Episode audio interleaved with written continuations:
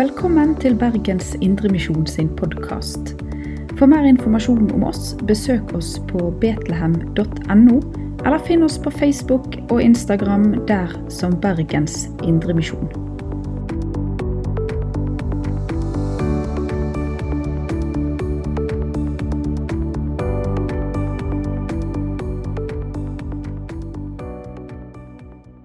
Eh, Dere som var der sist når eh, Rolf hadde om Den hellige ånd og gjenfødelsen, så kom jo et av spørsmålene som da eh, gjaldt eh, helliggjørelsen. Eh, og da sa vi at eh, det skal vi ta opp i denne bibeltiden. Så temaet er altså, som det ble sagt, Den hellige ånd i helliggjørelsens kamp. Vi ber bitte litt. Takk, Herre Jesus, fordi at du kommer til oss i ditt ord.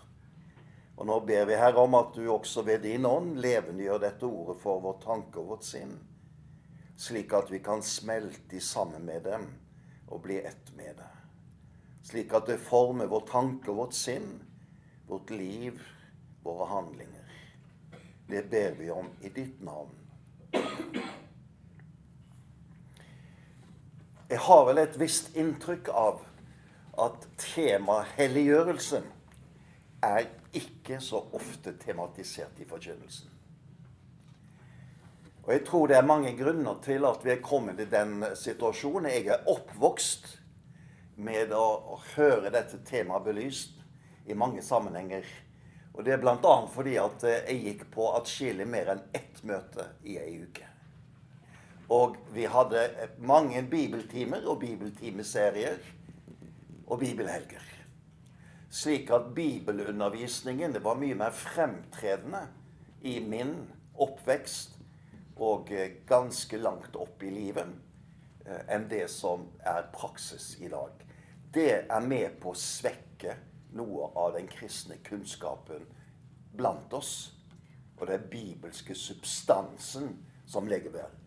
Fordi at hvis vi går til Det nye testamentet og ser i brevlitteraturen, som jo dekker ganske store deler av Det nye testamentet, så har jeg ikke telt vers for vers. Men jeg vil tro at rundt omkring to tredjedeler av brevlitteraturen omhandler helliggjørelsen. Den står voldsomt sentralt i det som da står i de ulike brev til ulike personer og menigheter, og som vi da gjenfinner i Det nye testamentet. Det tales i brevene om de kristnes forhold til familie, til samfunn og til menighet og til Gud på en konkret og detaljert måte mange ganger. Og La meg da begynne med det første overskriften. og Jeg har nå levert ut til dere en sammenfatning av det som jeg har tenkt å si, for å gjøre det litt lettere å følge med, og for å kunne eventuelt ta det med seg også senere. Og Første overskrift er altså helliggjørelsens ideal og betydning. For jeg spør hva sikter helliggjørelsen mot? Hva er idealet å strekke seg etter? Og hva sier bibeltekstene om dette? Og Der skal vi starte. Og vi skal starte da med flere skriftavsnitt for å løfte dette frem. Og vi starter i Jesu bergpreken. Jesu bergpreken omtales som disippelundervisning, slik at den gir da en innføring i det disippelliv som disiplene var kalt til å leve.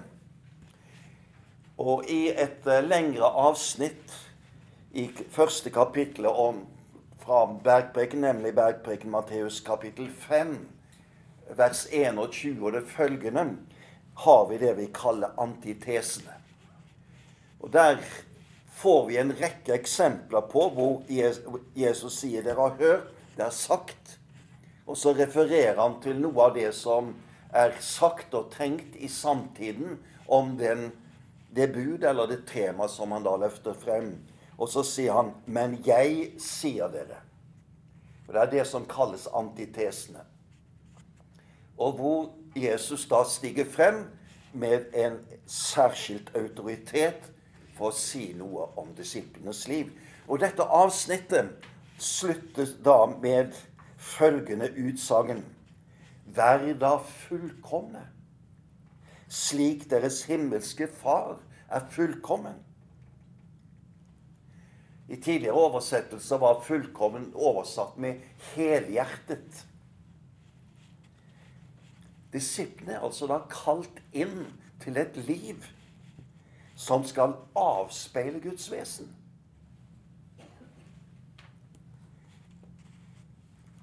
Og i en verden som lever i det onde.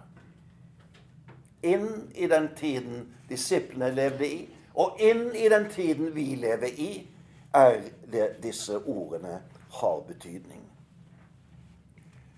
Så skal jeg vende meg til et avsnitt fra brevene, nemlig Paulus' sitt første brev. Det første brevet han skriver.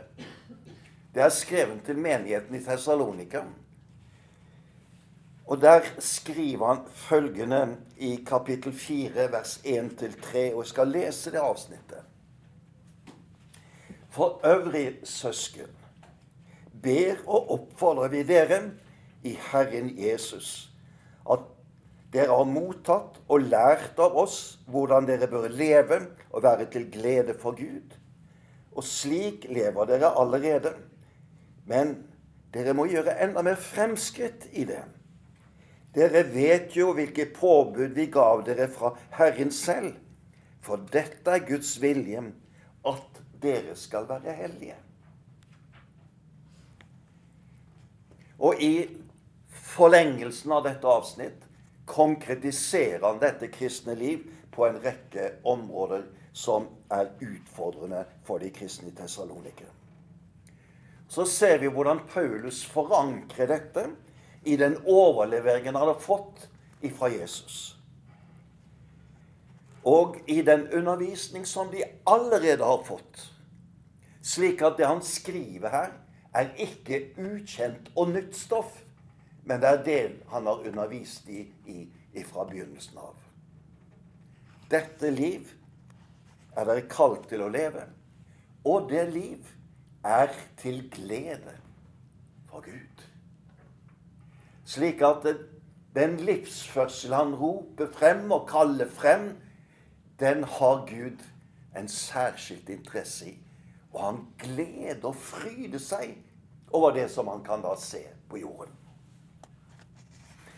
Og så sier han også her at dere også gjør fremskritt i dette. Slå dere altså ikke til ro med at noe hadde fullført, men gjør fremskritt i det. Skal vi vende oss også til et avsnitt fra Hebreabrevet, nemlig Hebreabrevet kapittel 12. Der er det et lengre avsnitt fra vers 4 til 17 som har overskriften Gud oppdrar oss. I vers 10 stilles det da et konkret Får vi opp en kontrast mellom fedrene og Gud. Og der står for fedrene viste oss til rette bare en kort tid, og slik de selv syntes var best. Men han gjør det til vårt beste for at vi skal få del i hans herlighet. Og litt lenger nede i det samme avsnittet, i vers 14, fortsetter forfatteren strev etter fred med alle og etter helliggjørelse. For uten den skal ingen se Herren.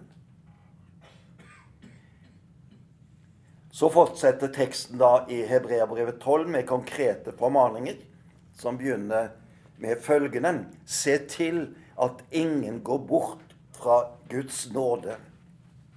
For helliggjørelsen er hele tiden avhengig av at vi lever i Guds nåde. Gud oppdrar oss for sitt rike. Enda et skriftsted til som understreker dette, nemlig igjen fra Paulus da i kapittel 6 i hans andre brev til korinteren. Der har vi et lengre avsnitt som har overskriften 'Den levende Guds tempel'. Det er en karakteristikk av det kristne liv som bærer denne overskriften, og som gjenfinnes i den teksten som vi har der fra vers 16 og utover. Og Paulus advarer i dette avsnitt mot å alliere seg med fellesskap eller samfunn som lærer og lever i strid med Guds vilje. For det å leve i slike falske og forførende allianser, det er en fare for den kristne. Det går ikke, sier Paulus, for vi er jo den levende Guds tempel. Denne posisjonen gjør at vi møter verden og den livsform som er i verden, ut ifra det perspektivet at vi er et tempel for Den hellige ånd. Det er et Guds nærvær gjennom det at vi er kommet til tro på Ham, som har betydning for hvordan livet og fellesskap med andre blir. Så viser Paulus til Guds løfter om Guds nærvær i sitt folk. Og så avslutter han med følgende ord. Mine kjære, når vi har disse løftene, så la oss rense oss fra all urenhet på kropp og sjel og fullføre vår helliggjørelse i ærefrykt for Gud. Renselse og helliggjørelse hører altså sammen. Og jeg kunne lest enda flere avsnitt. Men her har vi altså et knippe fra flere steder i Det nye testamentet.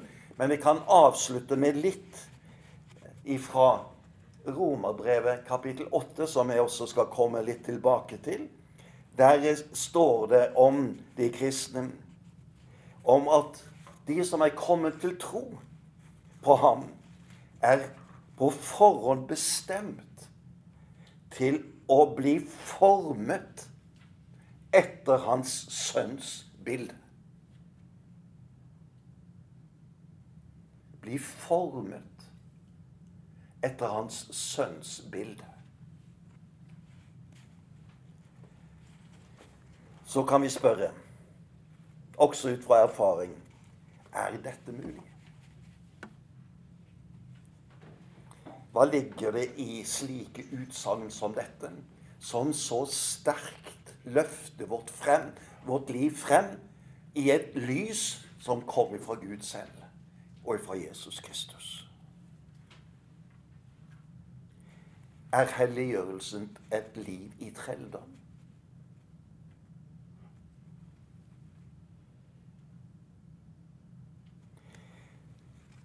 Og vi skal gripe litt fatt i disse utsagnene om helliggjørelsens og bakgrunnen for dem. Hvorfor kommer de, og hva har de som forutsetninger? Og Vi har i de foregående bibeltimene vært inne på noe av dette. Og jeg skal bare kort repetere noen viktige sannheter som er nevnt tidligere, og som også den gjennomgangen av Galaterbrevet som vi har på gudstjenestene, er med på å løfte frem. Og det første bakgrunnsteppet for helliggjørelsen er å kunne skille mellom rettferdiggjørelse og helliggjørelse. Mellom Jesu gjerning som forsoneren og hans forsoningsverk og Jesu forløsningsverk. Dette skillet her går gjennom hele Skriften når det omtales frelsen. Og først altså rettferdiggjørelsen. Den er forankra i Jesu forsoningsverk. På korset skjer der en forsoning med Gud. Guds dom og det som skiller menneskene fra Gud, tas bort ved at han soner vår synd i vårt sted.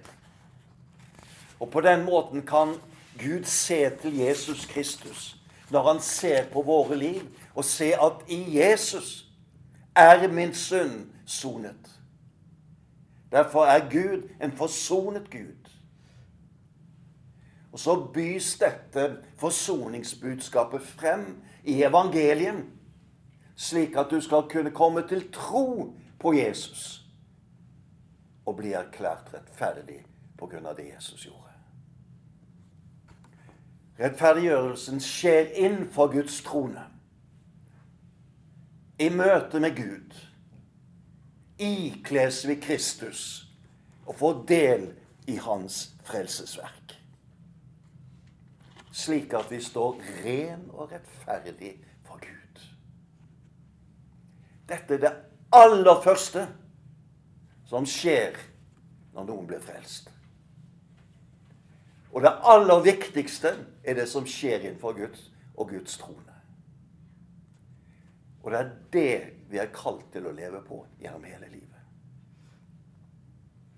For den rettferdighet som her tilegnes oss, slik at vi erklæres rettferdig, det får vi ikke på grunn av våre gjerninger.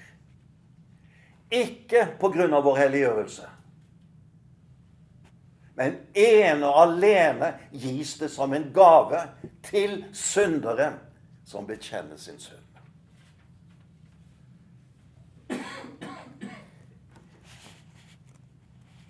Den, denne sannhet som jeg nå prøver å understreke, var jo kjernepunktet i reformasjonen. Fordi at det som fant sted i den katolske kirke, det var at, rett, at det var helliggjørelsen som danna grunnlag for om en gikk fri i dommen. Og Derfor var det også at de innførte skjærsilden som et renselsessted for å bli full hellig før du nådde inn i den himmelske virkelighet. Denne sammenblanding av rettferdiggjørelse og helliggjørelse det er med på å skape uro i sinn og tanke og tvil om en frelse. Alle ærlige mennesker som lever i en tanken om at det er helliggjørelsen som er grunnlag for min rettferdighet innenfor Gud, vil komme i tvil og anfektelse. Og sannsynligvis ende ut med at en har et håp om et renselse i skjærsilden, slik som den katolske kirke løser det på. Så rettferdiggjørelsens betydning kan vi ikke understreke fullt nok. Men så skjer det også noe annet i forbindelse med frelsen. Fordi at Gud stiger inn i våre liv. Rettferdiggjørelsen åpner døren inn til Guds rike, som er nær imellom oss, fordi Gud selv er nær med sin frelseskraft. Og inn i det rike, det betyr at vi er, har fått del i det som Bibelen da kaller gjenfødelsen. Vi har fått Den hellige ånd som en gave, og som gir oss altså del i hele den rikdom som ligger i Jesu Kristi frelsesverk som det forløsende. Og Den kampen som vi da settes inn i, er en kamp som Jesus er oss nær i, og som vi har løfter for. Vi skal komme enda mer tilbake til, men Efesane 6,10 sier det. til slutt bli sterk i Herren. I Hans veldige kraft. Ta Guds fulle rustning på, så det kan stå der imot djevelens listige knep. For vår kamp er ikke mot kjøtt og blod, men mot makter og åndskrefter, mot verdens herskere i dette mørket, mot ondskapens ånde her i himmelrommet. Inn i denne, skal vi si, falne virkelighet er det at vi skal leve vårt liv. Og inn der er det en styrke hos Herren og en utrustning fra Ham. Og Det andre bakgrunnsteppet som vi må ha med oss, det er det som heter det gamle og det nye mennesket. Den kamp som Paulus omtaler i Efesane 6 mot djevelen og hans listige angrep, den har en dimensjon i tillegg. Vi kjemper mot krefter som ligger også hos oss selv. krefter i vårt eget liv som vil dra oss bort ifra Gud. Vi kan kjenne det i våre tanker. Vi kan merke det i ord vi bruker, i holdninger og handlinger som vi avspeiler. At det er noen krefter i oss som vil dra oss bort. Og disse kreftene i oss omtales og beskrives på forskjellige måter i Skriften. Et uttrykk fra Hebreabrevet kapittel 12 igjen, i vers 1. Der omtales syndens nærvær på følgende måte. Synden som så lett fanger oss inn. Den er der altså som en makt og som lett tar grep om oss. Og Paulus i Romerbrevet 7, som er et viktig kapittel i denne sammenhengen, sier han følgende i vers 23.: Synden som så lett fanger oss inn. Og, ja, og Paulus sier det. Jeg merker en annen lov i lemmene, som kjemper mot loven i mitt sinn og tar meg til fange under synden og syndens lov. Altså Det er en virkelighet til stede som ikke bare er der ute hvor djevelen møtes med fristelser og list og lurerier, men også i vårt hjerte og vårt sinn merker vi krefter som står imot. Det er en erfaring som vi alle gjør en del av den virkeligheten som vi lever innenfor. Og det er denne situasjonen som Paulus da ofte beskriver med at vi bærer kjødet eller den falne natur med oss. Det er kjødet, eller sark, som det da er det greske ordet her. Det kan bety litt forskjellig i den greske språkverden, men når Paulus bruker det, så er det gjennomgående om det falne mennesket og den syndige natur i mennesket. Som vi har arvet fra fedrene. Også Galaterbrevet, som skal si litt om, berører den samme tanken som vi møter i Romerbrevet kapittel 7. Og når vi vender oss til Romerbrevet kapittel 7, så kan vi ikke unngå å synes at det er en uvanlig sterk språkbruk. Kategorisk språkbruk. Og det har ført til at mange opp gjennom tiden har hatt problemer med akkurat dette kapitlet. Og også gjerne da omtolker det på en eller annen måte. Hvor de har tenkt at så kategoriske og skarpe ord kan vel neppe gjelde for den kristne. Og så har en da konkludert med at dette må være et kapittel hvor Paulus omtaler sitt tidligere liv. Men da skal vi legge merke til at gjennom hele dette kapittelet, hvor disse skarpe og kategoriske utsagnene kommer, så bruker Paulus presens. Altså nåtidsformen som forteller at det, det er livet nå han beskriver. Og hovedpoenget i Romerbrevet 7 er at vi lever i en kamp. Og det er denne kampen som egentlig er tematikken. Det er noe som står mot hverandre. Og Hele tiden når han skriver om dette nedover i, kapittel 7, så møter vi denne motsetningen. Det er en kamp. Og La oss plukke frem noen av disse utsagnene. For Paulus her bruker ikke bare begrepet eh, i presens, men han omtaler også det som vi kan si er gjenfødelsens nye liv. For det er dette som er kommet i strid med noe gammelt. Slik at de utsagnene som han bruker her Han vil det gode. Hans indre menneske sier med glede ja til Guds lov. Jeg tjener Guds lov med mitt sinn. Slike utsagn kan bare brukes om det gjenfødte mennesket. Men det er kampen. Det er motsetningene som her stiger frem. Motsetningen mellom det som vil dra oss bort, og det som vil holde oss fast hos Gud. Og La meg sitere noen av disse ordene og uttrykkene fra kapittel 7, som understreker denne Herren kjødets virkelighet hos oss. I vers 14. Jeg er av kjøtt og blod, står det i denne oversettelsen jeg har.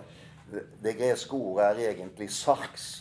Jeg er kjødelig, solgt som slave til synden.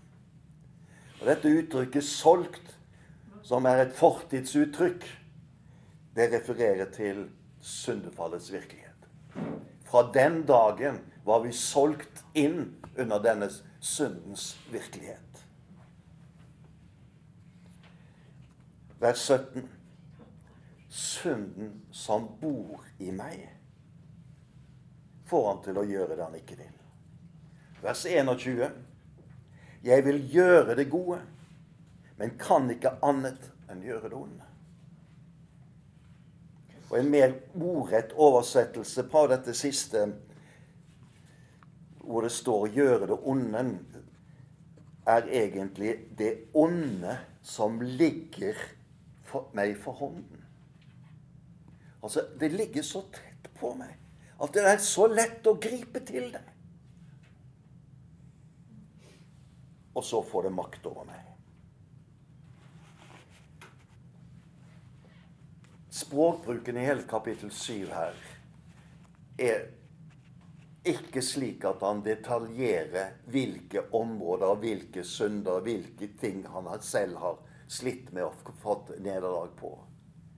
Men det er en mer grunnleggende prinsipiell tilrettelegging av at det kristne livet i helliggjørelsen er kamp mot djevelen og alle hans listige angrep. For det er en virkelighet rundt oss som lokker og drar. Og så er det en kamp i oss som vil holde oss borte fra Gud. Kjenner alle. Ulydighet. Vantro. Alt som det fører med seg. Hvis vi også da går til Galaterbrevet, så finner vi noe av det samme som jeg nå har beskrevet ut ifra Romerne 7. Et hovedanliggende med Galaterbrevet, derfor er det meste av Galaterbrevet, berører evangeliet og den frelse vi får av nåde, ikke ved gjerninger. Det er en gave pga. det Jesus har gjort. Og de var kommet i en situasjon hvor det var nettopp dette helt sentrale punktet i troen som ble angrepet. Derfor er det meste konsentrert om evangeliet, som forankres i Jesu frelsesverk. Men så står hun tilbake med det spørsmålet Ja, men hva med livet vårt, da? Hvordan skal vi leve som kristne? Hva skjer der? Når vi hatt saker i orden med Gud, hvordan skal vi leve livet vårt som kristne? Og Det er da Paulus mot slutten av Galaterbrevet tar opp denne, dette perspektivet. Særlig i kapittel 5, fra vers 13 og utover. En kristen har fått en ny frihet. En frihet i Kristus. Han er frikjøpt. Han er forsonet med Gud. Det er et nytt liv. Så sier Paulus, men la ikke friheten føre til at dere synder.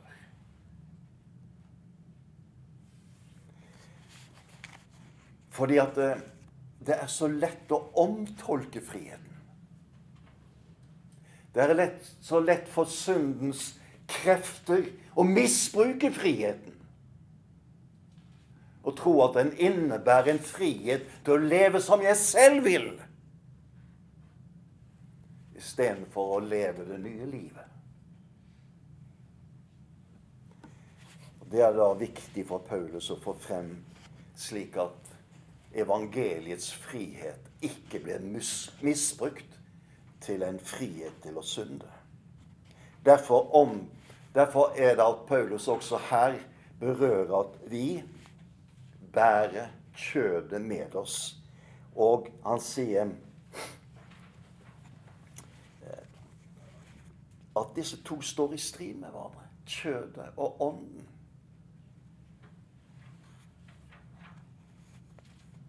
Men han formaner de til lev et liv i ånden. For kjøttets begjær står imot ånden, og åndens begjær står imot kjøttet. Disse ligger i strid med hverandre. Slik er livet i troen.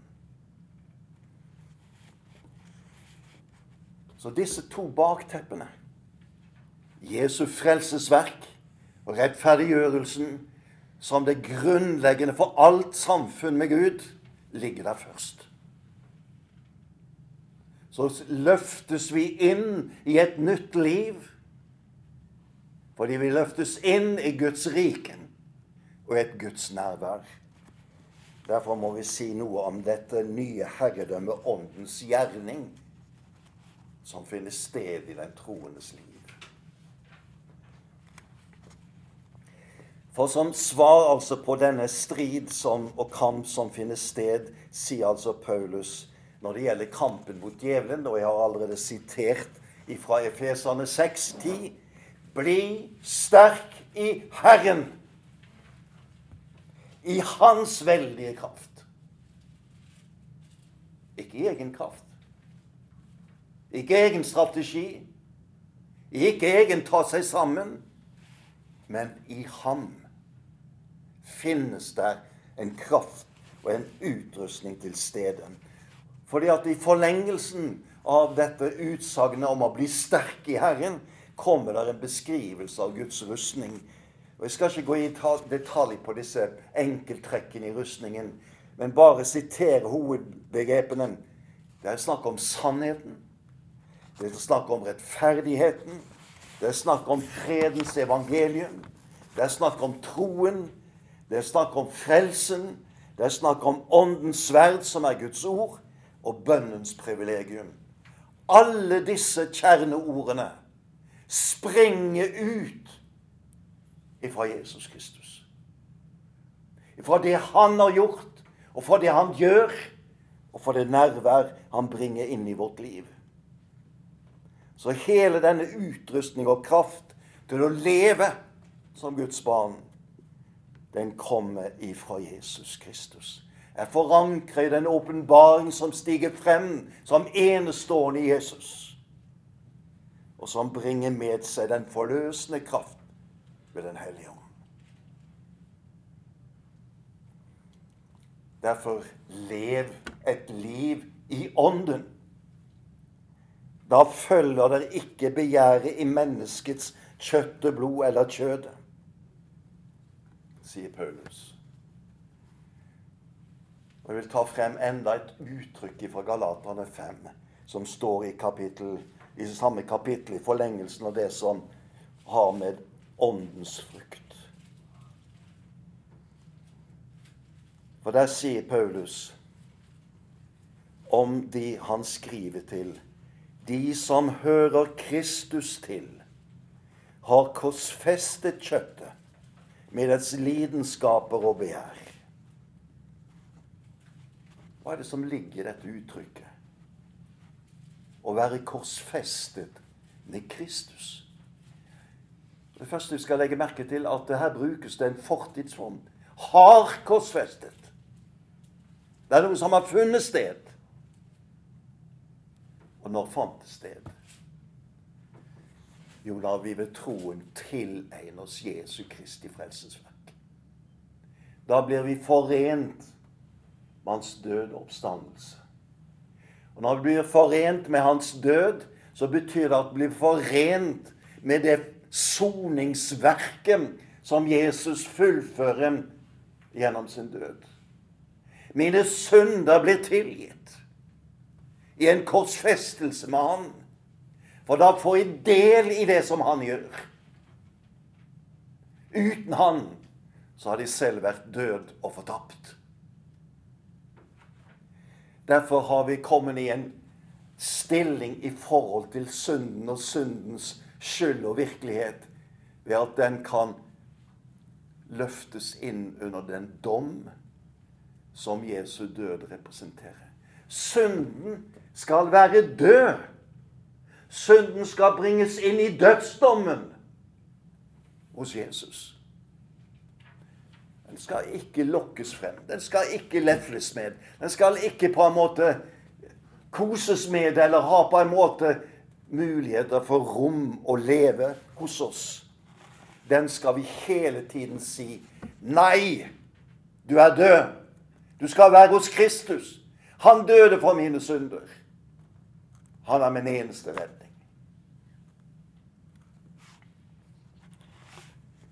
De skal ikke leve de skal ikke herske. De skal erklæres for død hos Kristus. Og denne skatten som vi har hos Jesus Kristus, den sier Paulus, den bærer vi i leirkar. Hvor gjør vi det? Jo, vi bærer den inntil fullendelsen. Men vi bærer denne leirkar som uttrykket for svakhet for at den veldige kraft skal være fra Gud og ikke fra oss selv. Så når vi ser denne virkeligheten omkring oss, i oss, som vitner om vår svakhet, så skal vi vende blikket mot der hvor styrken ligger. For han er den som har den veldige kraft til å utruste oss med alt det han bærer med seg, for å kunne stå i kampen. Men kampen er der. Og dette guddommelige nærvær hos oss er med på å forme og prege oss som mennesker. Det griper fatt i tankene våre. Det griper fatt i språket vårt slik at vi får et nytt språk til å forstå og beskrive den virkeligheten som omgir oss. For det som jeg nå har sagt, det er ikke noe som du leser uten videre ut av erfaringsverden. Den kan bekrefte det språket forteller om, men å forstå det som et opprør mot Gud og Jesus som den eneste frelser det finnes ikke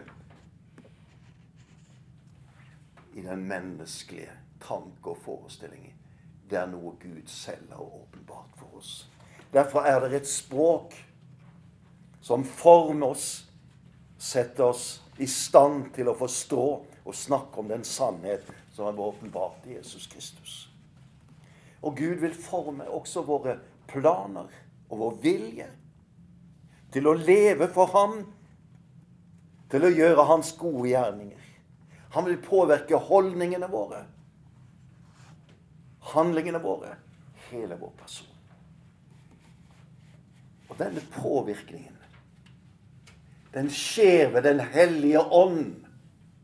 Og Den hellige ånd sitt, nær, sitt sentrale arbeidsredskap for å forme oss er Guds ord. Derfor er denne rustningen den er gjemt i Guds ord. Og Den må vi få del i, slik at den former vår personlighet.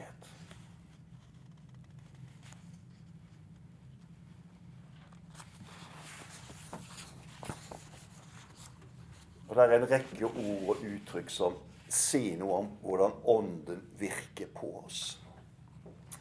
Vi skal bare plukke noen av disse ordene og uttrykkene. Romerbrevet 8 er jo et, eh, av disse viktige kapitlene som omtaler Åndens gjerning. I vers 5b Men de som lever slik Ånden vil, er opptatt av det som hører Ånden til. Det skaper altså en oppmerksomhet, en interesse, en søken, en leit. Denne Åndens virkning på oss. I vers 26 i det samme kapittelet. For på samme måte kommer Ånden oss til hjelp i vår svakhet. Han kommer nær til oss og gjennom sitt ord gir hjelp til å leve for ham. Et litt lengre avsnitt fra Kolosserbrevet kapittel 1, vers 9b og det følgende. Skal du høre. Det, det, er, det er, et avsnitt som er fortetta. Der skriver Paulus. Vi ber om at dere må bli fulgt av kunnskap om Guds vilje og for all den visdom og innsikt som Ånden gir. Det ber han om. Han ser de trenger det. Han vet at de trenger det. Og all denne kunnskap, visdom og innsikt, det gir Ånden. Og så fortsetter han. Da kan dere leve et liv som er Herren verdig, og som helt og fullt er til glede for Ham. leve et liv som svarer til det som er helliggjørelsens siktemål. Bli likedannet med Kristus. Være hellig som Han, vår himmelske Far, er hellig. Så dere bærer frukt i all god gjerning og vokser i kjennskap til Gud. Kraften fra Hans herlighet skal gi dere styrke, så dere alltid er utholdende og tålmodige. Slik arbeider Den hellige ånd med oss. Inn i våre liv. For at vi skal svare til hvordan Han tenker om våre liv. Dette er åndens frukter.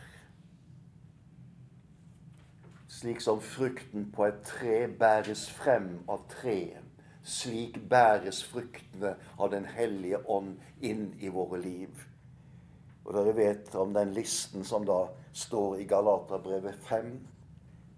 Men åndens frukt er kjærlighet. Det er glede. Det er fred. Det er overbærenhet. Det er vennlighet. Det er godhet. Det er trofasthet. Det er ydmykhet. Og det er selvbeherskelse.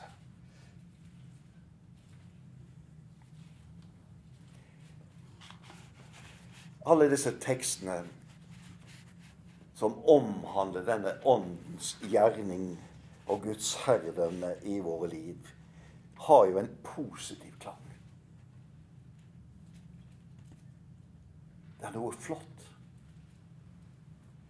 noe enestående. Det er en rustning som er enestående. Alt dette som slik positivt beskrives, er hele tiden forankret i Guds gjerning.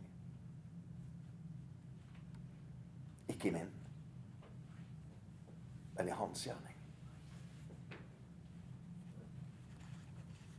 Det er han som med sitt nærvær gjør oss sterke. Det er Han som former oss. Det er Han som utruster oss. Det er Han som gir oss trygghet og visshet om fornyelse og gjenreisning. Det er Han som er troens opphavsmann og fullender.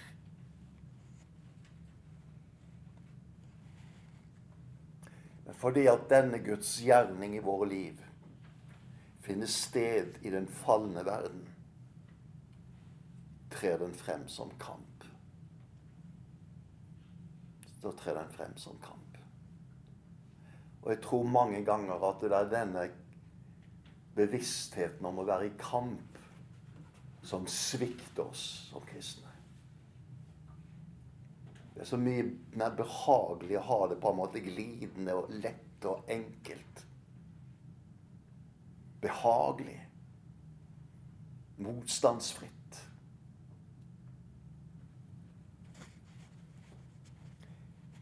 Men det er en kamp som varer gjennom hele livet. Som først får sin utløsning og endelige seier i oppstandelsen. Så vil jeg da, som et siste punkt, gå inn i dette litt mer med et sjelesørgersk innsteg. For vi erfarer også nederlag i vår kamper.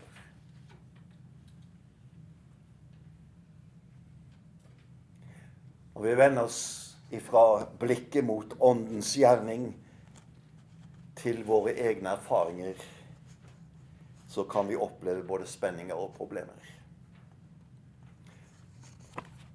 Og skal vi være ærlige, så finnes det nederlag i våre liv.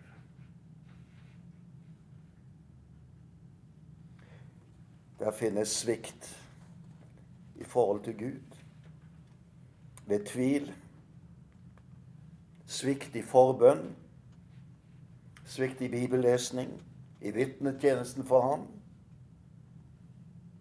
Vi erfarer det i forhold til forsamlingen og Guds menighet, det kristne fellesskapet, hvor vi forsømmer våre tjenester og våre nådegaver, hvor vi holder oss borte fra forsamlingen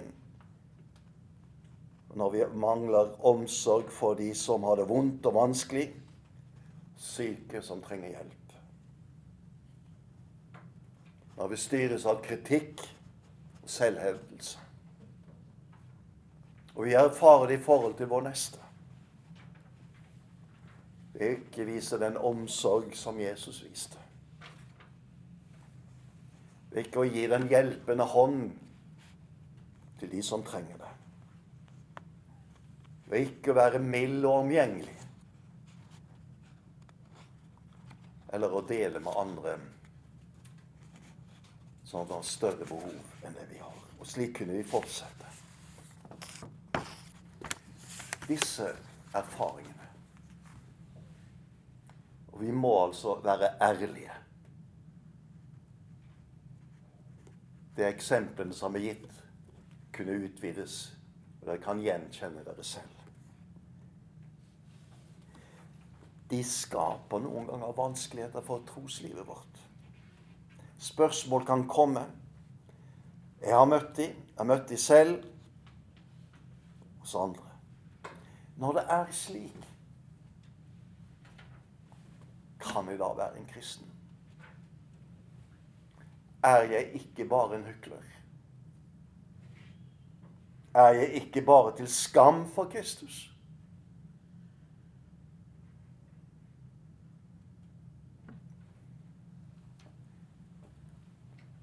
For spørsmålene kan være ulikt formulert. Men når disse spørsmålene kommer, og fra tid til annen kommer de, da kan det åpnes en dør for djevelen. Og det kan åpnes en dør for evangeliet.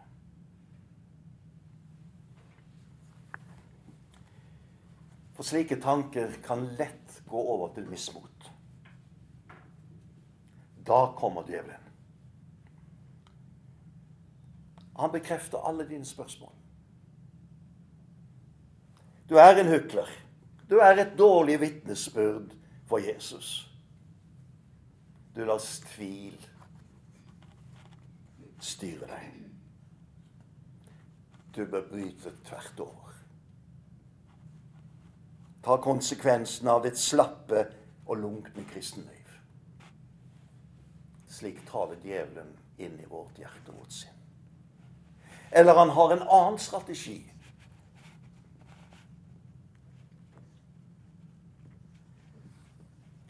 Som er knyttet til unnskyldninger og bortforklaringer. Det er jo så menneskelig å svikte. Det gjør jo alle. Vi må bare lære å leve med det. Du må ikke spenne buen for høyt, men vær realistisk. Det var egentlig ikke du som var årsaken til det, det var de andre. Det var omstendighetene. Og en rekke andre måter som har til hensikt å bortforklare og unnskylde. Får djevelen dette rommet?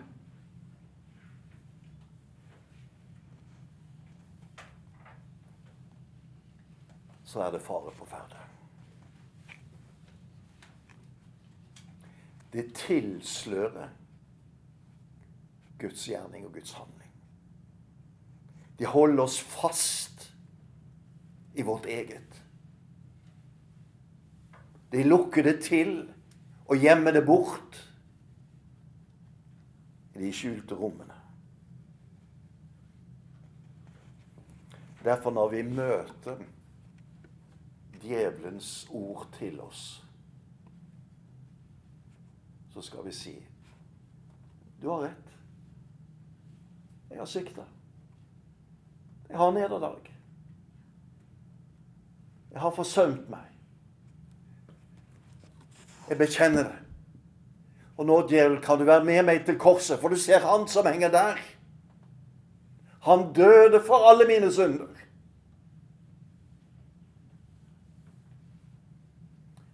Og da djevelen møter evangeliet og budskapet om Jesu død for våre synder, så må han gi tapt. Da må han gi tapt. Da finner vi hvilen i det han har gjort for oss Jesus Kristus.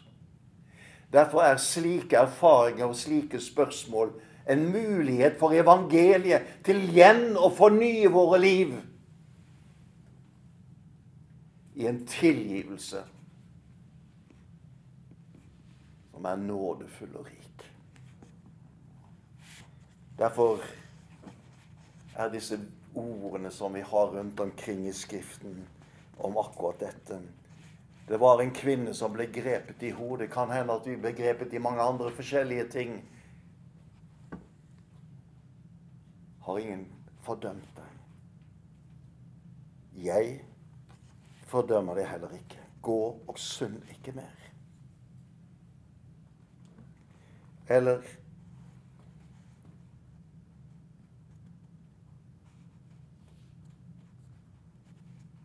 Om vi synder, så har vi en talsmann hos Faderen, hos Jesus Kristus, som taler vår sak, som kjenner oss og løfter frem Jesus Kristus for oss. Og vår synd ble stor. Der ble nåden enda større.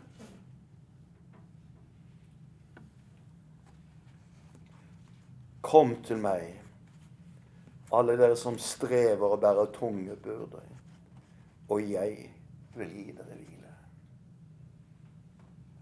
Slik taler Guds nåde til synderen. Slik roper han oss frem i nederlagets situasjon. I lunkenhetens liv. I forsømmelsene. Kom til meg. Løft de frem. Du er tilgitt for Jesus skyld.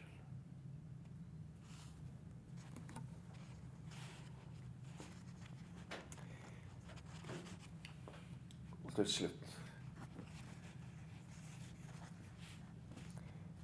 Vi har en spesiell tekst i Matteus 25, den store domsscenen. Kapittel 25, vers 37 og utover. Og i denne tekst møter vi altså Gud som møter de som stiger inn i det fullkomne Guds rike. Og så blir det en ordveksling mellom Gud og disse, som har et poeng også til oss. For Gud taler til dem og deres liv og omtaler deres liv på en måte som overrasker dem. Og som derfor får de til å stille følgende spørsmål, som dere kjenner godt. Gud sier, da skal de rettferdige svare. Herre, når så vi deg sulten og ga deg mat? Eller tørst og ga deg drikke? Når så vi deg fremmed og tok mot deg, tok imot deg? Eller naken og kledde deg? Når så vi deg syk eller i fengsel og kom til deg? Da skal kongen svare dem. Sannelig, jeg sier dere, dere har gjort, det dere har gjort mot en av disse mine minste søsken, har dere gjort imot meg.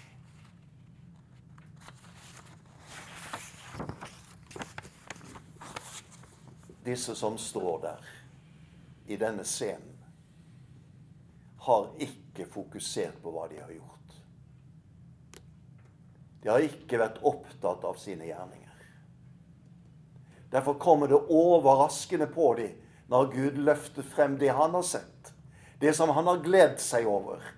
Det som har vært gjort på en slik måte at det har vært til Gud til ære. Det kjenner Gud. Derfor tror jeg at det kan komme overraskelse for noen hver når Gud møter oss på denne måten. Og det forteller oss Vi skal ikke først og fremst være opptatt med hva vi får til. Slik at vi på en måte blir konsentrert om oss selv. For en slik konsentrasjon om oss selv har lett for å skape selvopptatthet og selvgodhet. Isteden skal blikket hele tiden være på hva Han gjør, og hva Han møter oss med i den kampen som vi lever i i helliggjørelsens strid.